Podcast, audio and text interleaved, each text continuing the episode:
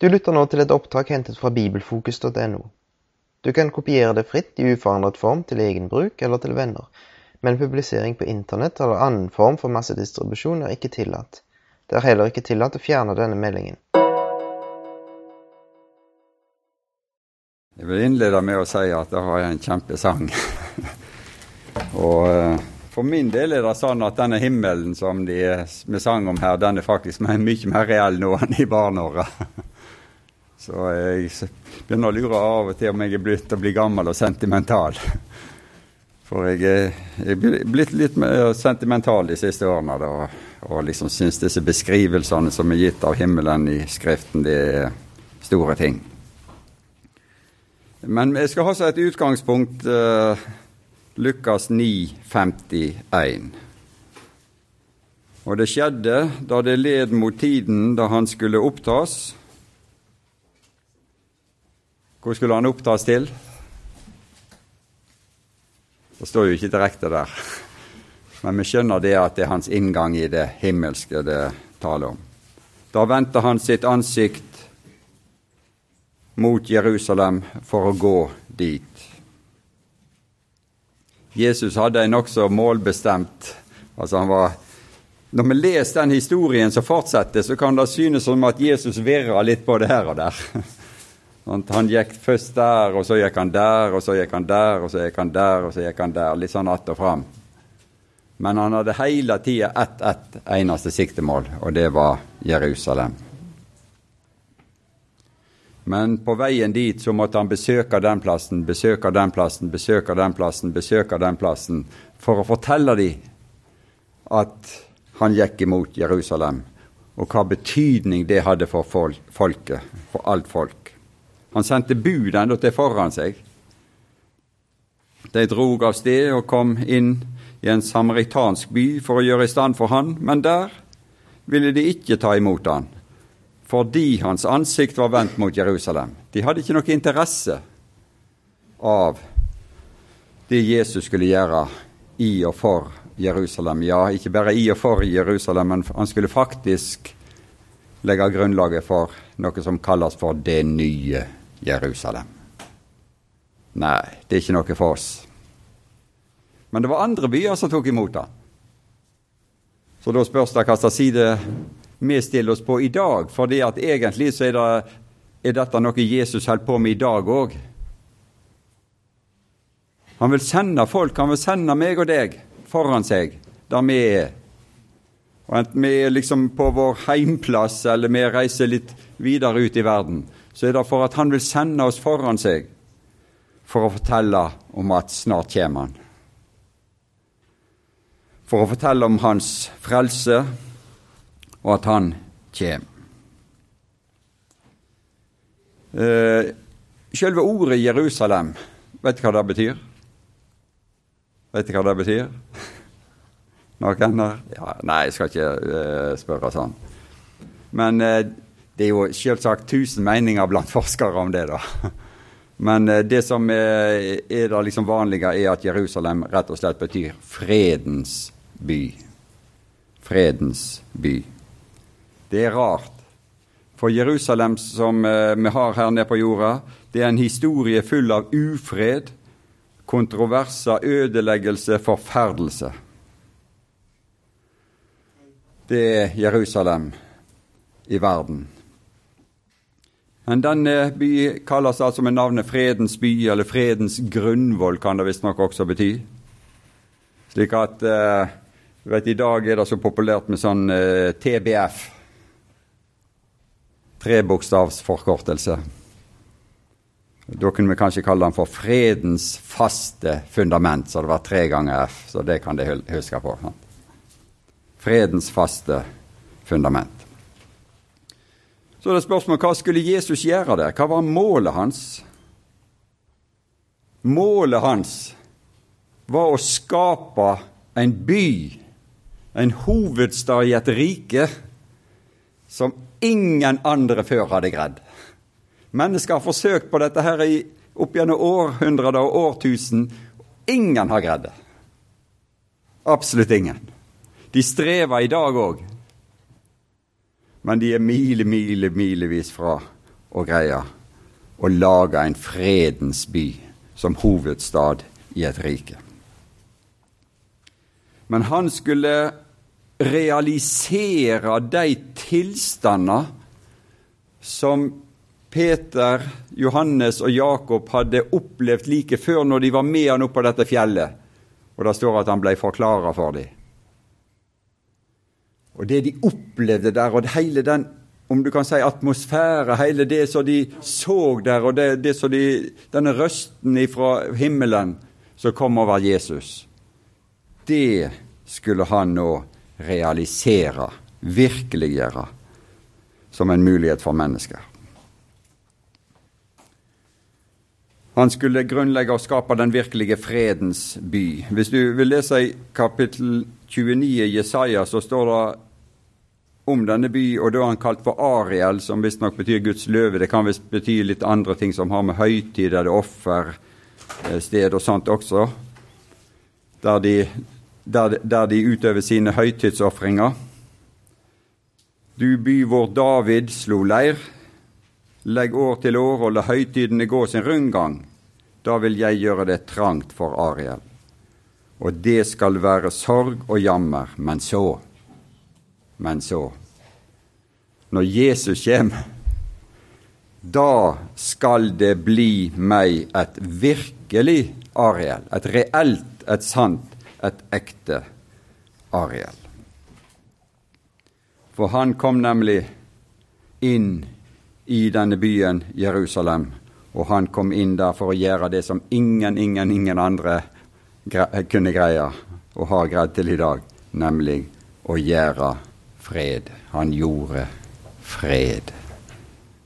Og eh, de som er litt eldre enn meg her i landet, de vet betydningen av fred. Og det er jeg tror, ikke, jeg tror ikke det er noe enkeltsak at befolkningen ute i verden ønsker mer enn fred. Jeg tror ikke det er noe enkeltsak de ønsker mer. Det er nummer én på folkets ønskeliste, men de har aldri fått det til. Han gjorde fred. Når gjorde han fred? Hvor gjorde han fred? Hvordan gjorde han fred? Altså Han gjorde det i Jerusalem etter sitt inntog i byen når han var ca. 33 år gammel, og han gjorde det ved korset. Eh, jeg holder på å lage en sånn bibelquiz som jeg begynte med for to år siden, der stansa arbeidet har stansa opp nå. Men jeg har lagd ca. 20 spørsmål i bibelquizen. Og Det ene første spørsmålet det er Hvem drepte hvem på korset i Efeserbrevet 2? Hvem som ble drept på korset i Efeserbrevet 2?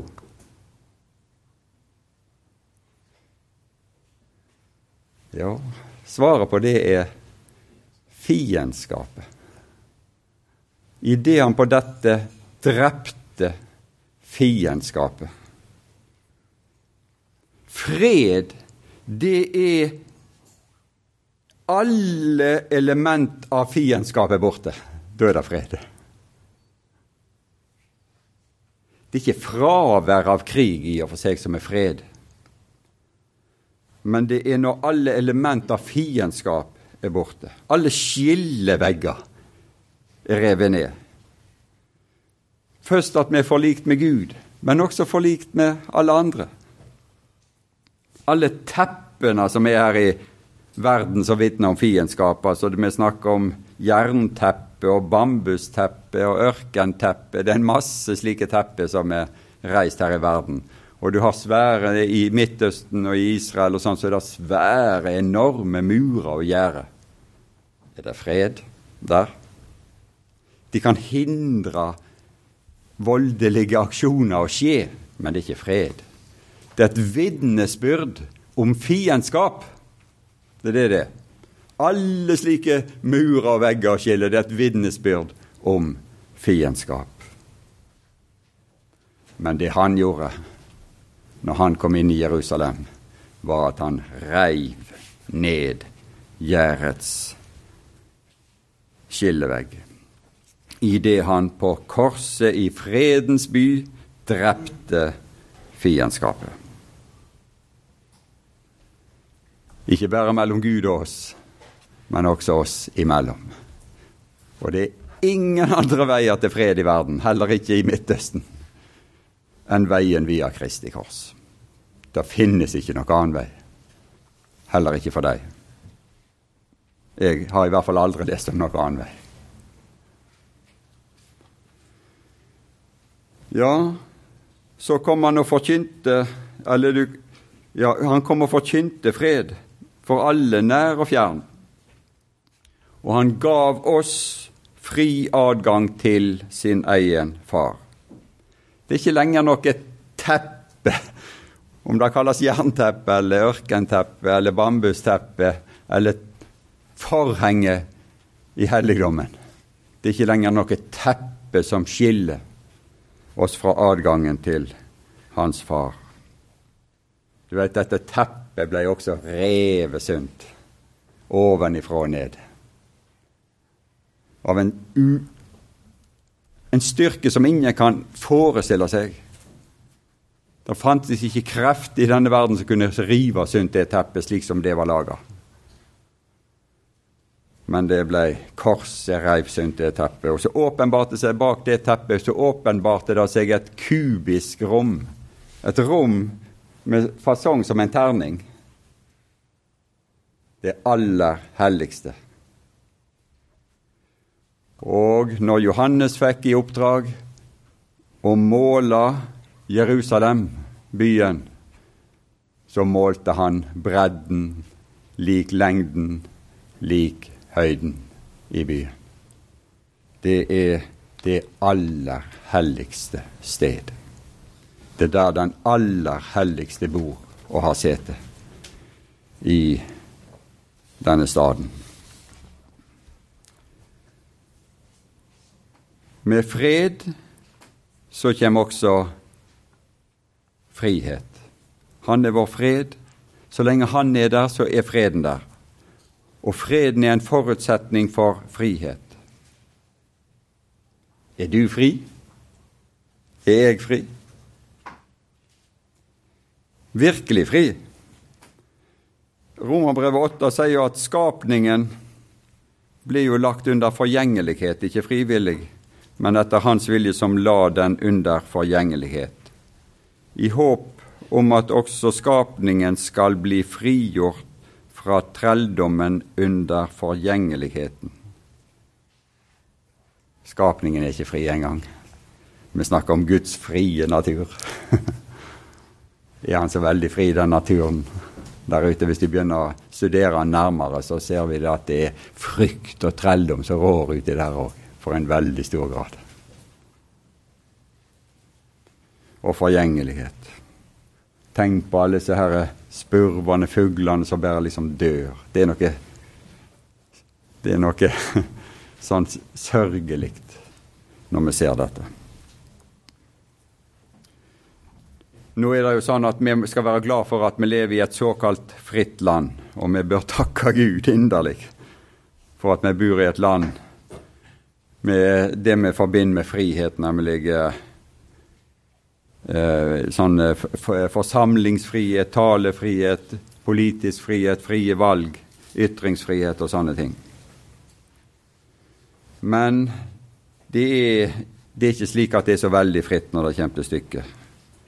Men i Romerbrevet 8 så står det også å nå fram til Guds barns frihet i herlighet, eller Guds barns herlighetsfrihet. Vet du hva det betyr? Det betyr at alle skillevegger mellom oss er revnet ned. Vi møter hverandre på gata i, gaten i det nye Jerusalem, og det er ikke noen murer som reiser seg eh, mellom oss. Det er ikke noe skepsis eller sånn at eh, ja, ja. Og enda til dyrene skal vi ha Redsel mellom mennesker og dyr endatil er borte. Denne fullkomne frihet overfor hverandre. Men vi er nødt til å vente til da med å utøve denne frihet. For det er da vi er i stand til å utleve frihet. Vi er ikke i stand til å utleve frihet her, her i verden så lenge det er så mye kjøtt i oss. Skrøpelig kjøtt. Så ville det være en katastrofe om jeg utlevde alt som er inni meg. Men eh, vi kan strebe etter det samme som Paulus når han sier at han er åpenbar for Gud. Jeg også ønsker å være åpenbar for deres samvittighet. Han hadde, han hadde også et indre liv som var av en sånn art i fellesskapet med Kristus at han sa det kan like godt være åpent for dere alle. Og det er det som er det store målet. Og der og da så er vi åpenbare for alle, for syndene tatt bort. Så denne fredsbyen, det er også frihetsbyen. Mennesket sitt første arena for å utfolde liv, det var en hage i Eden i Østen. Det står at Gud så plantet Gud Herren en hage i Eden i Østen. Der satte han mennesket som han hadde formet. Og Vi leste litt om at, eh, at den formen Det var noe der som gikk galt ved menneskets syndefall. Så nå trenger, trenger vi å helles inn i en ny form. Han formet Der satte han mennesket som han hadde formet. Og Gud Herren lot alle slags trær vokse opp av jorden, prektige å se på og gode å ete av og livets tre midt i hagen og treet til kunnskap om godt og ondt. Der satt han altså mennesket i en hage. Hva er en hage for noe? Ja, det er jo natur, men eh, det er mer enn en natur. Det er faktisk en bearbeiding av naturen. Der du anlegger en hage, så bearbeider du naturen der. Slik at dette stedet blir en slags mangfoldighet av skjønnhet for øynene. Og det er, det er det duft for luktesansen vår. Det er forfriskning eller frukter som vi kan gå og ete av. For ganen Kanskje, sikkert, Peter, hvis han er her. Det er vakker fuglesang for Eira å høre i denne hagen. og det er et sted fullt av harmoni og fordragelighet. Det er et sted som appellerer til alle våre sanser. Og så er det igjen ei elv da, gjennom hagen. sant? Alle fire. Det da du har sett disse små broene sant? og disse elvene som ferjene går gjennom parkene og gjennom hagen.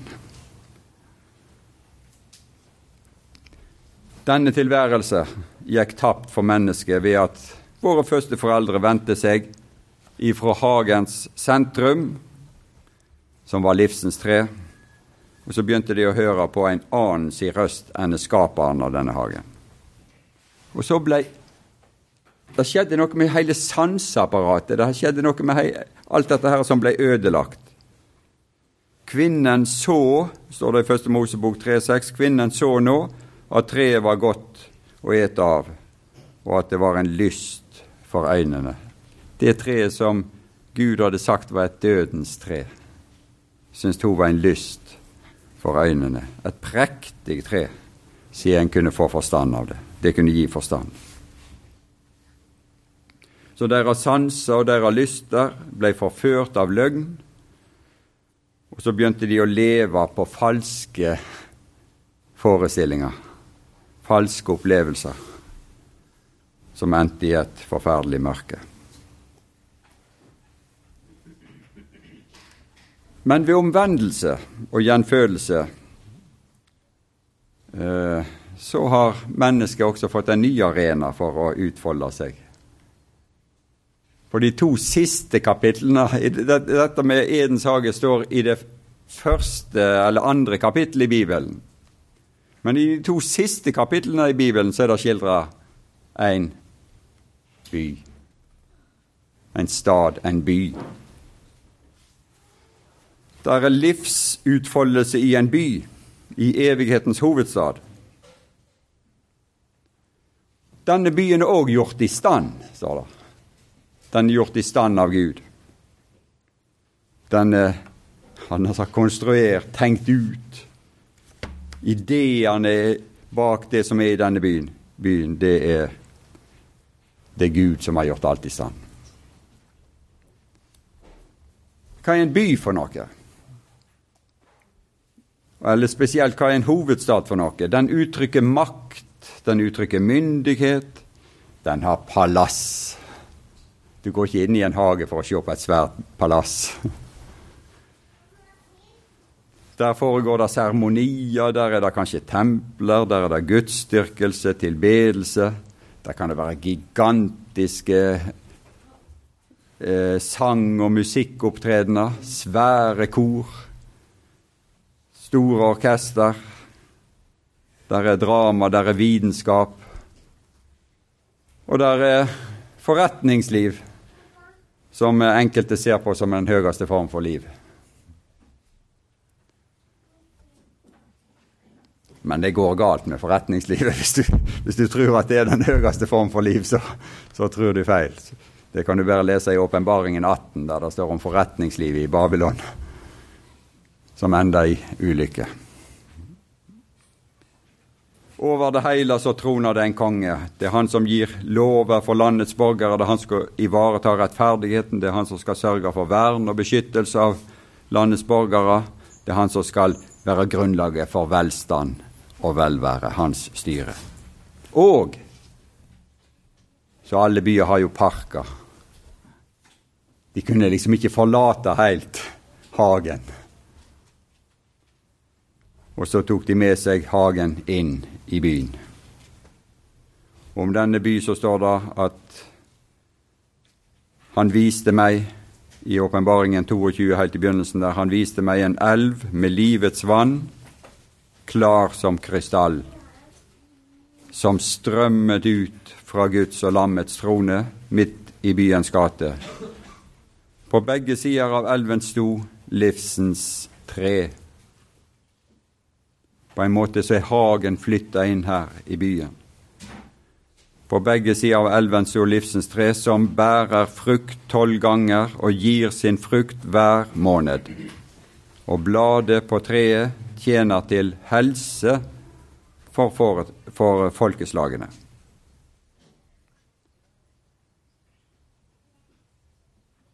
Det er altså et tre der som bærer frukt hele tida. Der du kan gå og få disse forfriskninger, få disse tilførsler hele tida, tolv ganger i året. Jeg tror egentlig så kan vi tolke det som hele tida. Det bærer frukt hele tida. Og bladene der på det treet eller disse tre, er til legedom for folkene. Ja, men har vi bruk for legedom i himmelen, da? Jeg tror det er en falsk forestilling om himmelen hvis du tror det at, at vi kommer opp der, og så har vi plutselig fått noe som blir ingen bakterier eller ingen virus eller ingen andre nedbrytende krefter som virker på. Og så setter Gud oss liksom inn på et rom og sier at her kan det nå sitte. Det er ikke sånn himmelen er. Vi er like avhengig av Kristus som liv i himmelen enn det Kristus får liv som er det her. Vi skal ikke skiljes fra Kristus liksom, og så leve, leve liksom for oss sjøl i, i, det himmelske sfære. Vi er helt avhengige av forbindelsen med Kristus også da. Derfor er dette livsens tre som et bilde på Kristus. Derfor er det bladene på det til legedom. Vi skal leve i en konstant tilstand av legedom i kraft av forbindelsen med Kristus. Det ville jo ikke vært liv uten, hvis det ikke var slik. I Åpenbaringen 21,2 så står det at han, den er gjort i stand, denne byen, som en brud som er prydet for sin brudgom. Nå har ikke jeg vært i den situasjonen at jeg har sett en brud komme liksom oppover gulvet opp imot meg, men det er noen her som har gjort det. Og Jeg antar det at uh, de vitner om at det er det store, store øyeblikk i livet. Og det skjønneste som de har sett og opplevd noen gang.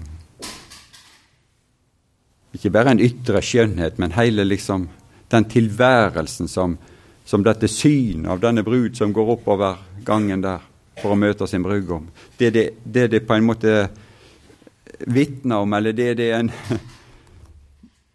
en innledning på. Og slik var det også. Det er, en, det, er en, det er, en, idé, det er en tanke, det er kreativitet. Jeg vet ikke hvor mange timer de legger ned på å lage i stand en brud for sin brudgom, men det er ikke helt få. Verken time eller krone, så vidt jeg har forstått. i hvert fall. Med alt som skal til. Men denne byen er stelt i stand som en brud som er prydet for sin brudgom. Når Johannes får se dette 'Jeg så', sier Johannes. Han lot meg se, og jeg så alt dette her. her. Så ikke, står ikke dette her for, liksom bare der, for å ligge der i Bibelen. Men det er for at du og meg skal få en, liksom, et inntrykk av hva som venter og forberede oss på en måte her på å møte dette syn, for å kunne innta disse tingene her i den evige verden. Nå ble mennesket vist ut av hagen, drevet ut av hagen med livsens tre. Syndens frukt er døden. Og så fikk de ingen anledning til å rekke ut sin hånd og ta av livets tre og ete og leve til evig tid, som det står. Du kan ikke velge begge trærne. Det lar seg ikke gjøre. det. Gud har sørga for å gjøre det slik at du kan ikke velge både det ene treet og det andre treet. Man velger enten liv eller død. Treet til kunnskap om godt og ondt, som det står, var òg der midt i hagen. og Der, der sto livsens tre, og der sto treet til kunnskap om godt og ondt. Vi kan ikke lage et annet navn på treet til kunnskap om godt og ondt, nemlig dødens tre. For den dag du eter av det, skal du dø. Så det som Gud sa, at her har det valget mellom livet og døden. Hva velger det?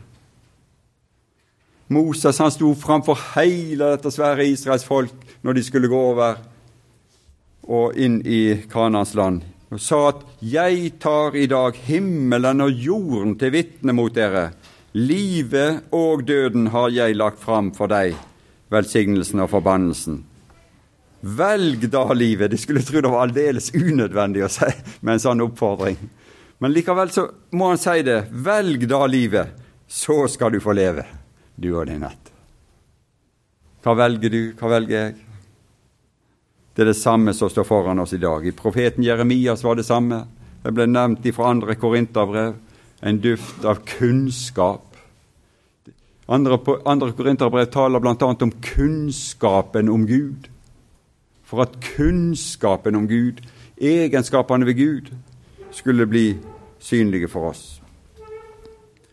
Og der er det da et valg mellom død og liv. Og Jesus taler om å ete Han, ete Kristus, ete av livsens tre for å leve.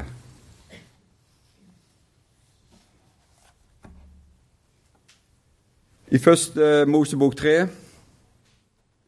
så ser vi altså ei kvinne, ei gråtende kvinne, bli utvist av hagen med livsens tre, ja, drevet ut, uten noen mulighet til å komme tilbake. Men Gud gjør noe for deg og meg, for mennesket, som mennesket sjøl ikke kunne gjøre. Og hvis vi går til eh, Johannes evangeliet, så skal vi bli vitne til noe. Det står der i kapittel 19 og vers 41 og vers 42 at på det sted Jesus ble korsfestet, var der en hage. Denne hagen var altså i Jerusalem, der Jesus ble korsfestet. Og i hagen det, Jeg tror det er siste gangen det ordet er brukt i Bibelen. I hagen var det en ny grav som ingen var blitt lagt i. Der la de da Jesus. Og så I kapittel 20 vers 11 så står det at Maria sto utenfor ved graven og gråt. Hun hadde altså gått inn i denne hagen. Så i første Mosebok tre så ser vi ei kvinne bli dreven ut av hagen under gråt. I Johannes 20 så ser du ei gråtende kvinne som går inn i hagen.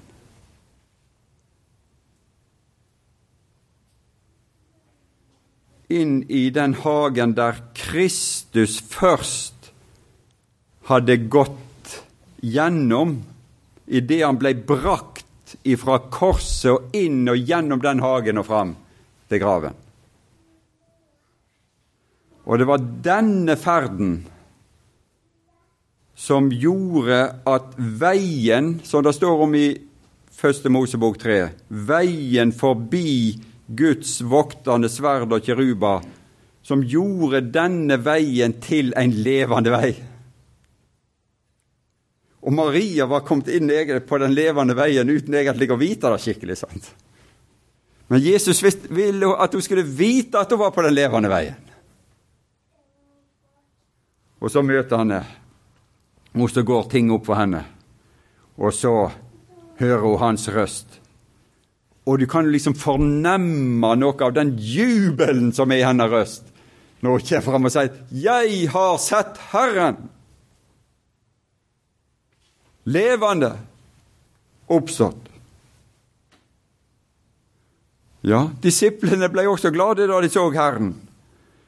Denne hagen med liv og helse som en del av det himmelske Jerusalem var nå tilgjengelig for mennesker. Og Maria Magdalena der i hagen fikk egentlig se det samme som Johannes i åpenbaringen. Det står 'Sjå Guds bolig er hos menneskene', og han skal bo hos dem, og de skal være hans folk, og Gud selv skal være hos dem og være deres Gud. For Jesus sa til henne at, uh, at uh, gå og fortell de at jeg farer opp til min far og deres far, til min Gud og deres Gud. Nå er Gud deres far nå er Gud deres Gud. Og det tørka, det budskapet der, tørka bort alle hennes tårer der i hagen, når dette ble åpenbart for henne. Og vi ser det at eh, i fortsettelsen der i eh, åpenbaringen uh, 21 Se Guds bolig er hos menneskene, han skal bo hos dem, og de skal være hans folk, og Gud skal, selv skal være, være hos dem og være deres Gud. Han skal tørke bort hver tåre av deres øyne. Det var det hun fikk oppleve. At dette budskapet på en måte tørka bort tårene av hennes øyne. Døden skal ikke være mer.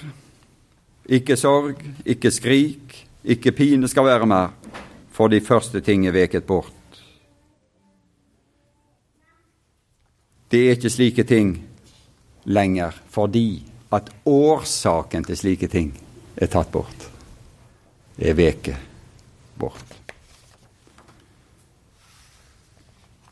Så får vi gå et skritt til. Eh, nå har vi sett litt på, på Jerusalem helt i slutten på Bibelen. Og denne hagen som var helt i begynnelsen, og hvordan dette her liksom bygges sammen. Eh, det er en annen by som eh, ikke heter Jerusalem direkte, men som heter Salem. Som de fleste da mener er den samme by, Jerusalem. Hvem som var konge i Salem? Ja. ja, ja. Det var en som sa, hadde vært i Amerika, han sa det var Melkasedik. Eller noe sånt. Melkesedek. Ja, hvem som levde samtidig med Melkisedek? Det var Abraham. Det står om Abraham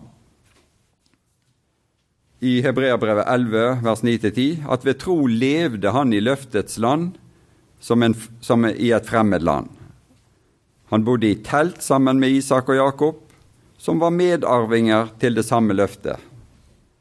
For han ventet på staden med de faste grunnvoller, den som har Gud til byggmester og skaper.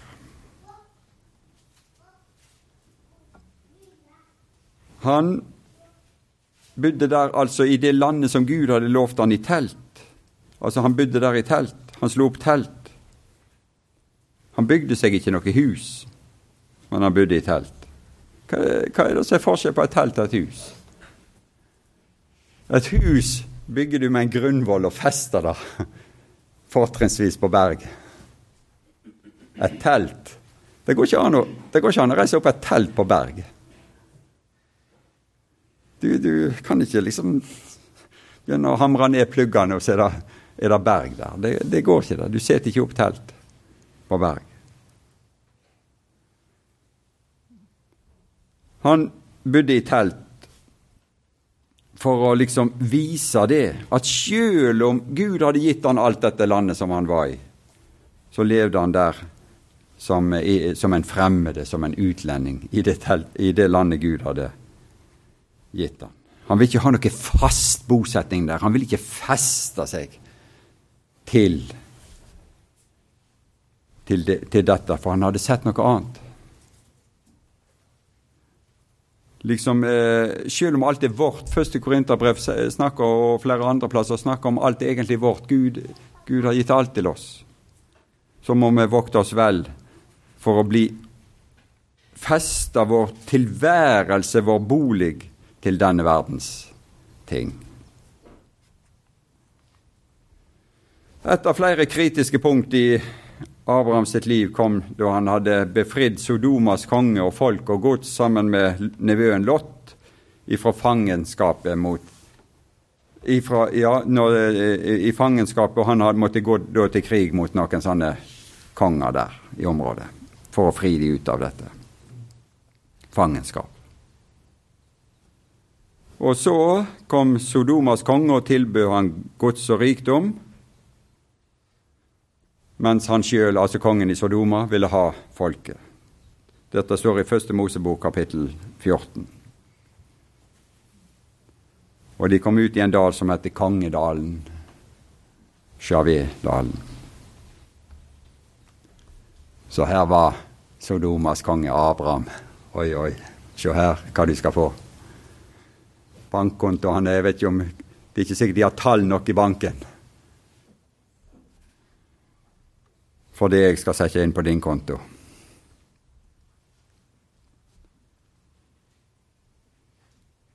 Du kan bli en skikkelig riking, Abraham, og nyte av denne verdens rikdom og gleder i fulle drag. Men heldigvis for Abraham så hadde han fått et glimt inn i en annen verden like før han fikk dette tilbudet. Og han hadde sett noen rikdommer der. Han hadde møtt Salems konge, han hadde møtt fredens konge. Denne kongen var helt annerledes enn de andre kongene som var i området der. Altså På den tida var Israelsland eller Kanansland eller det området der det var delt opp i en masse små områder med hver med sin konge. Så det var på haugavis med, eh, med, folk som bar kongenavn. De hadde en liten by, kanskje, og noen jorder rundt seg og hadde en del folk der så de var konger over. Og det var mange, mange, mange slike. Og disse kongene de drev med plyndring, og de drev med, med hærtog, og de prøvde å vise hvem som var de sterkeste. Det var den vanlige bildet. Men så var det én konge midt i alt dette her som skilte seg ut. Totalt ut ifra de andre. Og det var Salems konge. Det var Melkisedek, han som er fredskonge. Midt i dette mangfold av makter og krefter, urettferdighet og undertrykkelse, våpenmakt og krig og strategier for krig osv., så, videre, så stiger det altså en rettferdighetskonge og en fredskonge fram. Med en egen by, en fredsby. Hvordan var denne byen grunnlagt? da? På hva grunnlag fungerte denne byen? Han var ikke bare konge, men det står at han var prest for den høyeste Gud. Og som prest måtte han bære et offer fram for den høyeste Gud. Og det var altså denne konge som hadde gjort dette, og hadde skapt denne by på dette grunnlag, som kom ut til Abraham og sa, 'Abraham, her er vin, her er brød, her er liv, her er glede, her er velsignelse.' Han velsignet Abraham, sa det. Velsignet av den høyeste Gud være du, Abraham. Og ved, denne, ved dette her, og ved å oppleve dette, og se dette og tro dette, så så Abraham verdier som langt oversteg det som Sodomas konge hadde å by på. Han så staten med de faste grunnvoller, som Gud er byggmester og skaper til.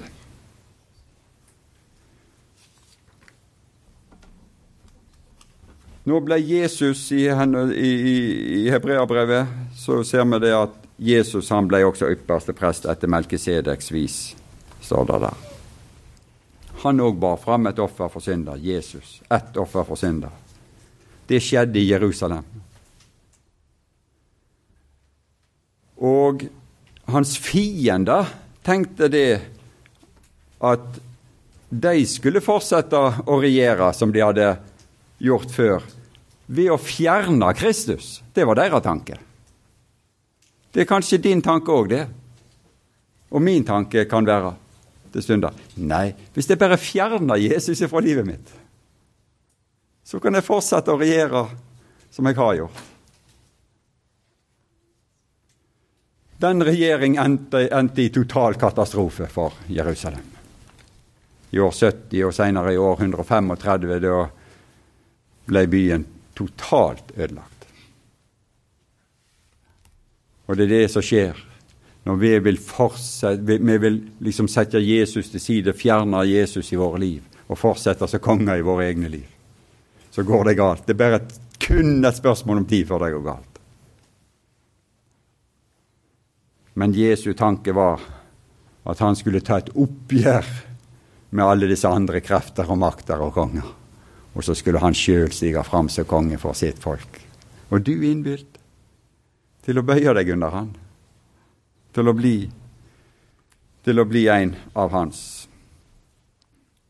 Og der, på en måte midt i denne byen, midt der iblant mennesker som hater han, og ikke brydde seg om han, så er det at han legger grunnlaget for sitt kongedømme, sitt Guds rike. Det er hans eget hjerte, hans egne kvaliteter, hans ene, egen person som er selve grunnlaget for det hele.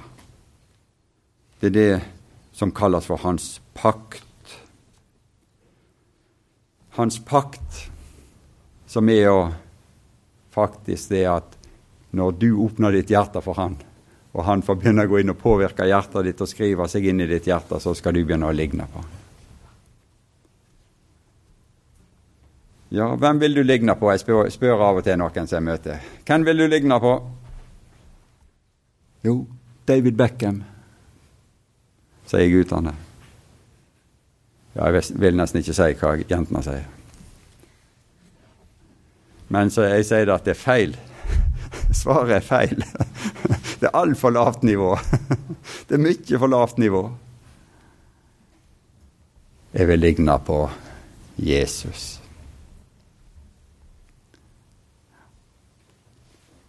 Ja, har du det ønsket? Kan du tenke deg noe? Jeg, jeg vet ikke om jeg, jeg kan overhodet ikke tenke meg noe større enn å ligne på Jesus. Jeg kan, jeg kan, faktisk ikke det. Altså Det er milevis fra mitt liv til han, hans liv, sånn som det er med meg her i dag. Men jeg har et ønske. Jeg tror jeg kan oppriktig si det. Ærlig si det at jeg har et ønske. Mitt høyeste ønske er at jeg må ligne på Jesus. Selv om kreft og alt dette er greier meg ikke liksom og det er det som er det store. Det er det som er tro. At du, du må beholde den innstillingen. Det er det Paulus sier. Altså, Når du har kommet inn på den veien, så fortsetter du på den veien. Og det underlige skal da skje, at ditt ønske skal en dag bli oppfylt. Vi skal bli Han like når vi ser Han som Han er. Så av alle Guds løfter syns jeg nesten dette her overgår alt. Vi skal bli Han like.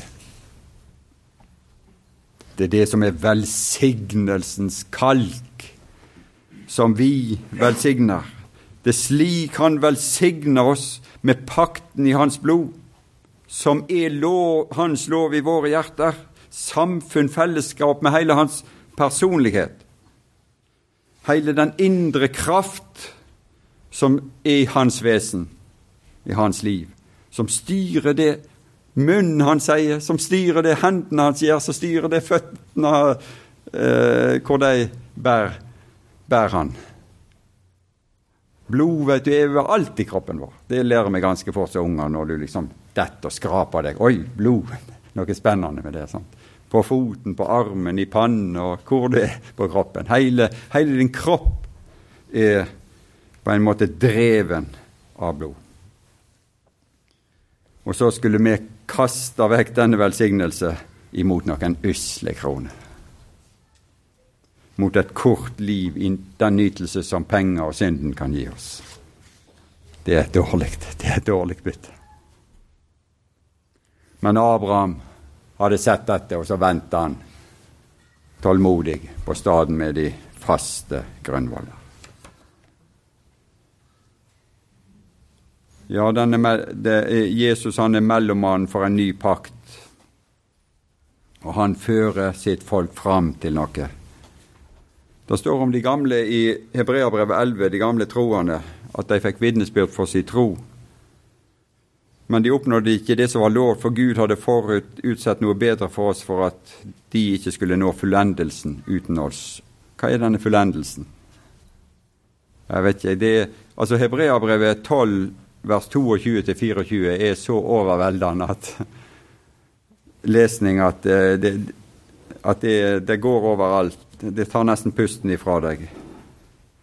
Sionsberg, dere er kommet til Sionsberg, den levende Guds stad, det himmelske Jerusalem, englenes myriader, høytidsgarden, menigheten av de førstefødde som er oppskrevet i himlene, til en dommer som er alles Gud, til de fullendte rettferdiges ånder, til Jesus, mellommann for en ny pakt, til det rensende eller oversprengningens blod, tror jeg det egentlig står, som det sto før, som taler bedre enn Abels blod. For det, dette blod taler om renselse. Det taler om renselse av samvittigheten til å tjene den levende Gud. Du kan få ei rensa samvittighet til å tjene den levende Gud. Så står det ti på arket mitt her. Så da er det, er siste arket nå, før vi gir oss. Paktens blod, Guds rike. Dette paktens blod, oversprengningens blod. Ser du, ser du den kraften som ligger der? Ja. Liksom, det er noe som heter granateple. Og ordet granat har fått sitt, uh, sitt navn derifra. Det er liksom noe De fortetter kraft. De fortetter smak, en fortetter duft, om du vil. Sånn liksom plutselig sånn bom! Og så går det ut over alt folket. Over sprengningens blod. Det skal få evangeliet om syndenes forlatelse i Kristi blod skal forkynnes over hele jorden. For alle folk. Det er det eneste som kan rense vår samvittighet fra døde gjerninger til å tjene den levende Gud. Alle andre rike, de skal ryste, står det, og gå under. Men eh, dette riket som blir, som ikke skal rystes, hvordan kommer du inn i det? Her er ikke noen begrensninger for asylsøkere. Her Her er ikke fullt av skjema du må fylle ut. Det er bare én ting du må fylle ut, og det er at du i ditt hjerte tror på Jesus og bekjenner at Han er din frelser, at ditt liv er i Han. Og så kan det avsettes ting i, i ditt liv som heter takknemlighet overfor å være en borger i dette rike. En tilstand av takk. Et menneske som lever i en tilstand av takk, er et glad menneske. Og uten takknemlighet kan du ikke være glad. Sånn. Hvis du gjør sånn hjemme du, du, er liksom misfornøyd og sånt. Du er ikke glad. Det går ikke an, det. Å kombinere glede med utakknemlighet og surhet. Det er umulig. Men takknemlighet skaper glede. Og ydmykhet, som det står om her. Ydmykhet overfor dette gigantiske faktum at du er et borger av det evige himmelske riket. Du vet, Det er så populært i dag, alle sånne sjefer sånne, som får sånne toppjobber. De går alltid til den jobbighet, sier de.